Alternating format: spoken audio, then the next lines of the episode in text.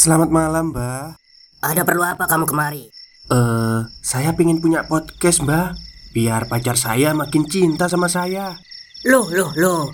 Mau bikin podcast kok tanya dukun? Sekarang kamu download aplikasi Anchor.fm. Di situ kamu bisa buat podcast gratis dan podcast kamu bisa didistribusikan ke platform mana pun. Dan di aplikasi atau website Anchor.fm juga terdapat fitur-fitur yang memudahkan kamu untuk membuat podcast. Oh, gitu ya, Mbak. Kalau gitu, saya boleh minta password wifi-nya, Mbak. Buat apa? Buat download Anchor.fm, Mbak.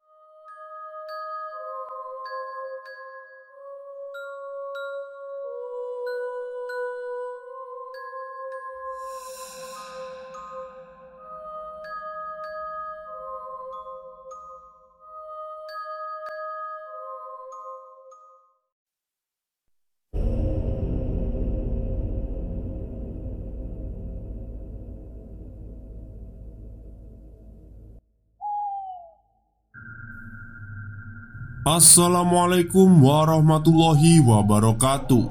Halo semuanya Jumpa lagi dengan saya Chow Sing Sing Kurator dari Podcast Horror Night Story. Halo apa kabar semuanya? Semoga kalian semua sehat-sehat ya. Dan seperti biasanya pada malam hari ini saya kembali dan akan membawakan sebuah kisah mistis untuk kalian semua. Kisah mistis kali ini datang dari kiriman email dari Mbak Laksi Asita. Dan di cerita ini nantinya juga akan ada kesedihan ya. Selain ada keseraman, ada kesedihan di dalamnya. Oke, daripada kita berlama-lama Mari kita simak ceritanya Hai Bang Cho, Sita mau cerita lagi nih. Terima kasih sebelumnya dan maaf kalau ceritanya nggak terlalu seram. Tapi Nyatanya cukup berat saat mencoba dituliskan. Semoga sehat terus ya bang. Kali ini Sita akan ceritakan Kisah suami ketika berburu di hutan. Namun saya mencoba tuliskan dari sudut pandang suami saya saja agar lebih mudah dipahami, dan nama teman sudah saya semarkan. Jadi, ceritanya begini: jam dinding hijau bundar sudah menunjukkan pukul tujuh, tapi yang ditunggu belum juga tampak batang hidungnya. Padahal harusnya semakin pagi akan lebih baik. Sembari menunggu Baron, aku menyibukkan diri dengan mengecek barang bawaan dan memakai sepatu boot. Gimana, Mas? Nggak jadi ya? Selidik istriku yang terdengar seperti berharap. Dia memang semalam ngambek saat tahu suaminya mau berburu. Ah, syukur deh kalau nggak jadi. Libur kerja bukannya sama keluarga, eh malah ngelayap sendiri. Lanjutnya merengut sambil menimang bayinya. Aku nggak sendiri kok, Dek, tapi sama Baron. Candaku sedikit meledek. Sita hanya memutar bola mata dengan sadis. Dia lantas masuk ke kamar dengan kaki dihentak-hentakkan. Aku hanya menggelengkan kepala menghadapi sifat kekanakannya. Lagi pula, sudah lama aku tidak main ke hutan sejak kehamilan sang istri. Aku harus menahan hobi yang sebenarnya meraung-raung dalam hati. Aduh, sorry Tam. Tadi ada urusan, jadi agak telat. Suara Baron mengejutkan sekaligus melegakanku. Iya, iya, nggak apa-apa. Kita berangkat sekarang aja ya. Usulku setengah memaksa karena matahari terlanjur naik. Kamu udah sarapan kan? Udah kok. Ayo ah, keburu siang Baron tampak bersemangat Sebelum memanggul tas Aku sempatkan meneriaki sang istri dari ruang tamu. Dek, mas berangkat ya. Besok mas belikan bakso sama roti kacang ijo kesukaanmu. Pamitku sebaik mungkin. Terserah. Balas istriku bernada ketus dari dalam kamar. Mungkin wajahnya sedang tertekuk tak karuan saat ini. Semoga saja amarahnya tidak dilampiaskan ke si kecil. Aku dan Baron berangkat dengan mengendarai motor roda dua. Sekitar satu jam dari desa ini memang ada pegunungan. Pegunungan tersebut memiliki tiga puncak Yang masing-masing bernama Gunung Es, Gunung K, dan Gunung G Tiga gunung tersebut membentuk segitiga Jika dilihat dari atas Tempatnya jelas masih asri Karena belum terkenal Atau dilazimkan sebagai objek wisata Namun Karena belum sering terjamah inilah satwa-satwa masih dapat dengan mudah ditemukan. Perlu digarisbawahi bahwa yang kami buru bukanlah hewan-hewan langka, melainkan hewan yang memang diperbolehkan. Setengah jam perjalanan, hawa sejuk mulai menggelitik kulit. Saat itu, Baron yang mengendarai motor, sehingga tubuhku tidak langsung menubruk angin kami melewati perkebunan teh yang luas dengan jalan yang berkelok-kelok khas dataran tinggi. Terlihat beberapa muda-mudi duduk di jok motor sembari menikmati pemandangan hijau di sekitar. Mereka bercanda dan saling tertawa manja setengah genit. Malah ada juga segerombolan anak yang masih berpakaian seragam putih abu-abu. Aku pikir mungkin mereka sedang bolos. Para pemetik daun teh juga terlihat terpencar di beberapa titik. Sekitar 300 meter dari gapura pembatas akhir. Jalanan sudah tidak beraspal, melainkan berupa bebatuan layaknya sungai kering. Baron harus berkonsentrasi penuh untuk mengendalikan laju motor. Sampai di salah satu los atau tempat penampungan sementara daun teh, Baron memarkirkan motornya. Gak naik lagi aja, Bar. Tanyaku saat turun dari kuda besi miliknya. Sini aja ah, kampas remku udah tipis. Ujarnya lalu menyambar tas yang ia taruh di depan jok motor Lagi pula Kita belum pernah ke puncak gunung, kak kan? Bosan ke gunung es terus Setelah siap Kami pun mulai berjalan naik membelah perkebunan teh Menuju daerah kebun kopi Menurut sejarah Kebun kopi tersebut sudah ada sejak zaman VOC. Bisa dibilang peninggalan penjajah. Namun, karena lokasinya terlampau jauh dari penduduk, tempat itu tampak tidak begitu terawat. Biji kopi matang sampai busuk berceceran di tanah. Daunnya lebat dan begitu teduh. Sedangkan yang kering berguguran Terlihat beberapa kotoran luak berserakan Padahal menurutku Itu sayang sekali Bila dibiarkan. Baron dan aku terus merangsek Melewati daerah kebun kopi Dan masuk ke area hutan. Hutan itu semak belukarnya setinggi lutut. Jalan setapak terlihat begitu tipis menandakan sudah lama tidak dilewati. Setahuku Kawasan ini hanya dilalui oleh para penangkap burung dan penggemar kemping. Eh, eh, Tam, Tam. Ada burung tekukur tuh. Ujar Baron menarik si kuku. Mana, mana? Aku mendongak menajamkan mata sambil bersiap menurunkan senapan angin dari pundak. Baron juga melakukan hal yang sama. Dia mulai berjongkok mengokang senapan warna hijau army dengan tanpa suara Sedangkan aku bisa langsung membidik karena senapan bertipe pompa gejlok yang sudah terisi penuh semalam. Kami menembak bergantian dengan mengucap bismillah terlebih dahulu. Senapan dengan peredam super tidak terlalu menimbulkan bunyi mengejutkan. Malah hanya terdengar seperti suara kentut saja. Beberapa burung berhasil terpelanting di tanah.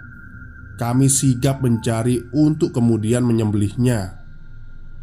Sekitar empat burung resmi menjadi hasil buruan. Kami pun melanjutkan perjalanan. Lama menyusuri hutan, akhirnya tanah landai dan agak luas berhasil kita temukan. Gimana kalau kita makan di sini aja, Bar? Ajakku seraya duduk meletakkan tas dan senapan di bawah pohon rindang. Hmm, bolehlah. Sudah siang juga, lapar aku. Ungkapnya mengelus perut. Kami sibuk mengeluarkan perbekalan masing-masing. Sita yang ngambek tidak mau masak enak, namun aku tidak kesal dan malah tersenyum melihat mie goreng instan yang sudah mengembung bercampur nasi di tepak makan. Sementara Baron asyik melahap nasi padang di wajah kertas minyaknya. Selesai makan dan minum, aku menyalakan rokok dan melempar bungkus ke arah Baron. "Nih, Bar, kalau mau ngerokok." Aku menawarkan. Baron mengambil sebatang dan menyelipkannya di telinga. Makasih Tam. Eh aku kencing dulu ya sebentar. Dia bangkit dan masuk ke rimbunan belukar Jangan lama-lama. Kita harus cari sumber air dulu untuk wudhu Aku memperingatkannya. Aku duduk menikmati pemandangan tebing.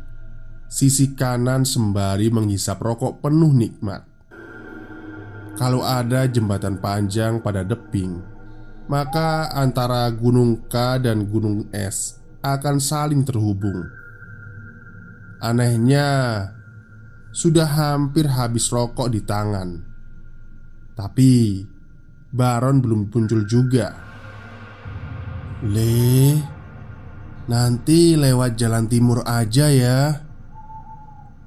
Sebuah suara berat terdengar dari arah kiri. Aku menoleh dengan cekatan. Nggih pak. Namun Tak ada seorang pun di sekitar. Aku mengawaskan mata sambil melongok-longok. Siapa tahu orang itu tertutup batang pohon. Seketika semua terasa hening. Suara serangga musim panas pun mendadak lenyap Tengku ini pun tak luput dari serangan merinding karena situasi menjadi tidak mengenakan, aku memutuskan bangkit untuk mencari Baron. Semua tas dan perlengkapan sengaja kutinggal. Hanya senapan dan belati yang kubawa untuk berjaga-jaga. Aku berniat menyusul Baron dengan masuk ke belukar yang sama. Namun, jejaknya tidak terlalu jelas karena tanah tidak becek. Baron, Baron, suaraku menggaung sebelum lenyap membentur dinding vegetasi. Cukup jauh aku mengayunkan kaki, tapi Baron tetap ditelan bumi. Baron, aku terus memanggil namanya Langkahku terhenti saat mendengar suara ngorok yang mengancam. Bisa jadi itu sejenis babi hutan. Perlahan, aku merapat ke salah satu pohon. Tanganku mulai basah meremas gagang senapan. Aku mengintip dari balik pohon dengan waspada. Stop, stop. Kita break sebentar. Jadi gimana? Kalian pengen punya podcast seperti saya? Jangan pakai dukun, pakai Anchor. Download sekarang juga. Gratis. Setan alas. Umpatku tak bersuara melihat celeng setinggi perut pria dewasa. Besar sekali. Beruntungnya, babi itu lekas pergi. Aku lantas mengambil jalan berlawanan, arah dengan jalur yang dilalui si babi. Pletek, rosak. Sungguh sial. Aku terkena jebakan celeng. Untungnya kaki ini mampu menahan tubuh dengan merentangkan penuh pada dinding lubang yang menyerupai posisi split. Bambu-bambu runcing tertata rapi, siap menusuk di dasar lubang. Tangan kananku bertahan dengan memegang akar yang mencuat di dinding lubang, sedangkan tangan kiri mencengkram tanah. Jantung ini mencelos tak karuan seperti mau lepas dari tulang rusuk. Aku mengambil nafas dalam-dalam Untuk sedikit memulihkan pikiran yang keruh. Lalu Ku ambil belati dari saku Untuk membantu memanjat ke permukaan.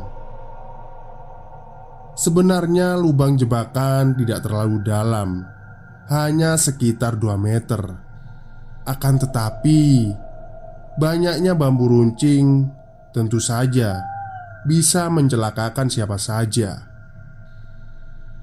Sesampainya di atas, aku baru sadar kalau siku jaket sudah terkoyak dan mengeluarkan darah segar. Aku melepaskan jaket dan mengikatkannya ke pinggang. Bersyukur luka robek tidak terlalu besar Mungkin omelan Sita nanti akan lebih parah daripada luka ini.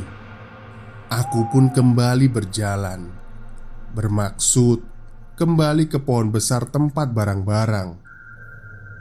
Siapa tahu Baron sudah ada di sana duluan. Namun, aku seperti kehilangan arah. Lama kaki ini melangkah tapi seperti tidak sampai-sampai. Malah seakan-akan bertambah masuk ke pedalaman hutan. Vegetasi semakin rapat dan tumbuhan berlumut kian mengancam. Suhu terasa semakin turun dan cahaya matahari kian kesulitan menembus barisan pepohonan. Seketika, Pikiran ini teringat pada istri dan anak. Aku harus bisa pulang. Tekadku yang seperti bertasbih. Kaki ini kembali berayun, cepat menembus semak belukar. Matahari mulai menggaung di barat dengan semburat kuning tua menyilaukan. Entah sudah berapa lama aku berjalan yang jelas, kaki ini sudah terasa mau copot. Sendi-sendinya seperti ingin putus dan ambruk. Akhirnya aku duduk di antara semak-semak, tepatnya di samping batu besar berbentuk agak kotak. Beruntung masih ada beberapa permen di saku celana. Ini cukup untuk menipu tenggorokan yang sudah kering sejak tadi. Tiba-tiba terdengar sebuah keramaian. Suara itu sangat jelas dan dekat. Tidak hanya suara orang berbincang dengan bahasa Jawa halus, namun ada suara orang yang menumbuk padi, kokok ayam, dan suara orang tawar-menawar. Bahkan ada suara khas tawa anak kecil sedang bermain. Pokoknya ramai dan bising sekali. Aku memaksakan diri untuk bangkit. Kaki ini melangkah dengan hati-hati sembari mengucapkan permisi. Aku tidak mengganggu. Jadi kupikir mereka tidak punya alasan untuk melukaiku. Sekitar 20 meter dari suara keramaian Mata ini menangkap sebuah gubuk kecil beratap rumbia Dan sisinya ditutup kain jarik Karena penasaran Aku menghampiri gubuk tersebut Perlahan aku menyingkap kelambu yang menyelimutinya Rupanya di situ adalah makam. Makamnya terlihat tua. Sepasang nisan terbungkus kain putih terlihat sudah begitu lusuh. Dengan cekatan, aku mundur. Namun, aku menyadari ada yang ganjil. Makam itu menghadap berlawanan arah dengan matahari tenggelam. Entah apa alasannya bisa sampai demikian. Aku tak mau kena kualat. Aku segera berbalik dan kembali berjalan dengan tenaga yang tersisa. Kelelahan, rasa lapar, dan kecemasan membuat psikisku sedikit terganggu. Akhirnya, aku memilih membuang semua logika dan mengikuti kata hati saja Lama berjalan di antara pohon dan semak belukar. Aku menyadari suatu hal: matahari tidak kunjung tenggelam. Padahal, jika disamakan dengan jam tangan, harusnya sekarang sudah gelap sejak dua jam yang lalu. Aku duduk di bawah pohon besar untuk beristirahat sambil berpikir langkah apa yang sebaiknya ku ambil. Mungkin Sita marah sampai hati hingga aku kesasar seperti ini. Tiba-tiba, sebuah tangan menepuk dan meremas pundak dari belakang. Hal itu membuatku berjengit menahan nafas. Jangan tengok, rupaku jelek.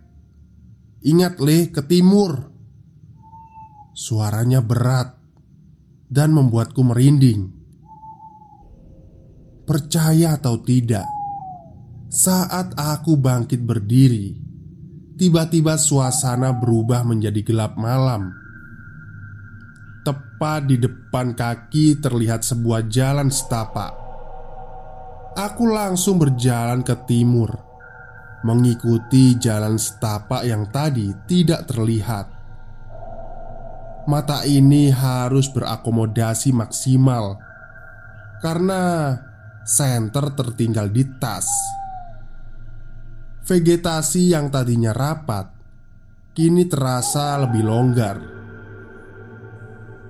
Tak jauh dari sana, mataku melihat bayangan seseorang yang mirip Baron Sontak, aku berlari mengejar sosok itu. "Baron, ke mana aja, kak?" Kata-kataku terpotong saat Baron merentangkan tangan kanan, seolah memberi perintah menahan pergerakan. Dia juga menempelkan jari telunjuk kiri di bibir dengan raut mengencang. Saat kuperhatikan dengan seksama Ternyata Sekitar 10 meter di depan terdapat badan ular sedang melata Ukurannya sedikit tidak wajar. Besarnya setara tiga badan anak konda Sisinya tidak lembut tapi lancip-lancip Menyerupai naga dengan warna hitam mengkilat. Ada sekitar 20 menit Kami menunggu ular itu lewat Karena saking panjangnya. Setelah yakin ekor ular sudah jauh Kami kompak membuang nafas lega. Aduh. Dari tadi ke mana aja sih Bar? Aku menekuk wajah karena kesal. Aduh, jadi gini Tam. Selepas kencing Aku lihat bebek warna kuning emas. Berkilauan banget. Aku kejar hingga jauh. Lalu Bebek itu berhenti di sebuah air terjun. Nah Pas mau aku tangkep Bebeknya berubah jadi wanita berpakaian putih Bertaring Dan matanya merah hampir copot. Pokoknya serem banget. Terus aku lari Sampai ketubruk sama kakek-kakek berjenggot putih. Kakek itu berdelanjang dada Dan cuma pakai sarung jari setinggi lutut. Terus Sautnya tergantung dramatis. Terus gimana? Mataku terbelalak Ternyata Kakek itu sejenis gadungan. Lututnya tertekuk ke belakang mirip kuda Baron menggeleng sambil menggigit bibir. Habis itu aku pingsan. Eh pas bangun malah lihat ular Sambungnya. Tapi Ular itu aneh deh Kataku sambil berpikir keras. Apanya yang aneh? Jawab Baron. Biasanya Hidung aku ini sensitif sama bau ular Apalagi dari jarak sedekat itu. Ujarku tak habis pikir. Iya kamu benar. Ular tadi nggak ada baunya. Cara melatanya juga nggak lazim. Timpalnya sependapat. Udah ah, udah malam. Kita harus cepat balik. Makasih ya Tam. Kamu gak ninggalin aku Singkat cerita Kami menyusuri jalan setapak Dan berhasil menemukan lokasi tas yang masih utuh semuanya. Kami lantas turun ke los tempat motor berada. Waktu sudah hampir pukul 11 malam. Saat kami tiba di perkampungan pertama, kami terus melaju melewati perkampungan yang sangat sepi itu. Karena lapar, kami memutuskan untuk mampir sejenak ke warung kopi dekat kantor kecamatan.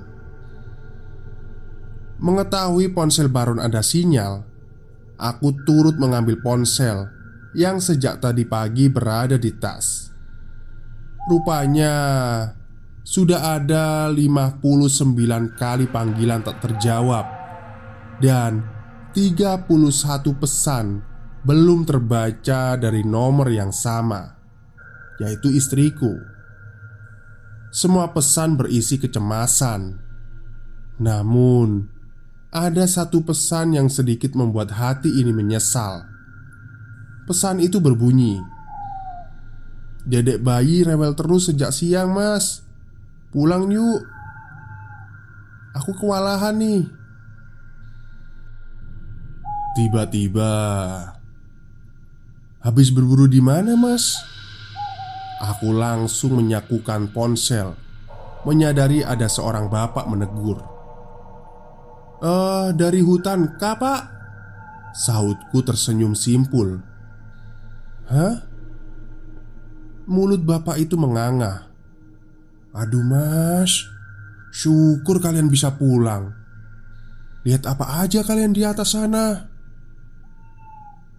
Eh, saya lihat makam tua pak Sedangkan teman saya ini lihat bebek emas Air terjun dan gadungan Jawabku apa adanya Di atas itu memang ada makam tua Dan kampung siluman mas Kampung itu tidak terlihat dengan mata telanjang. yang penduduk asli saja jarang pergi ke gunung itu. Kalian malah eh sudah sampai malam. Kalau air terjun itu juga sebenarnya gaib, Mas. Eh, kalian gak lihat ular besar kan di sana? Aku dan Baron Kontan saling melempar pandang. Iya, Pak, kami lihat. Aku mengaku. Tapi cuma lihat badannya aja kan Wajah bapak itu berubah tegang Iya pak bener Sahutku mengangguk Syukur deh Kalau tidak lihat kepalanya Biasanya Orang yang gak sengaja lihat kepala ular itu Bisa apes Sakit berat Pokoknya sial deh Bahkan sampai meninggal setelah percakapan singkat itu, kami pulang.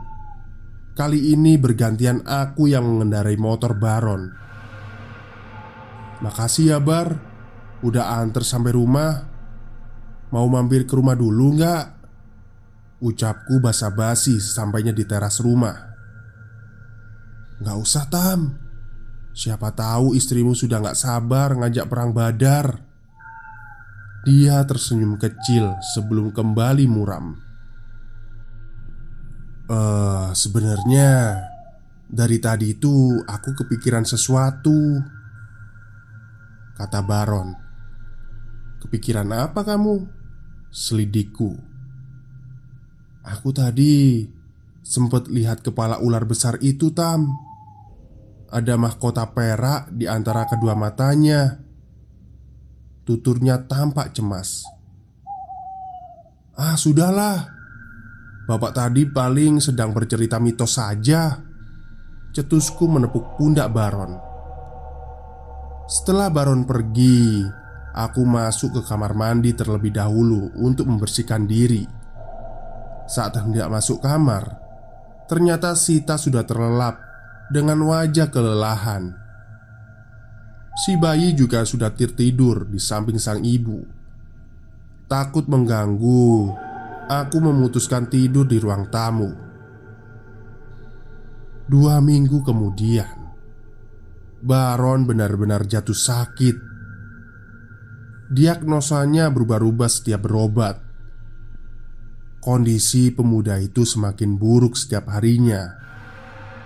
Tubuhnya semakin kurus satu hal yang membuat hati ini merasa bersalah adalah kata-kata terakhirnya padaku sebelum dia pergi untuk selamanya.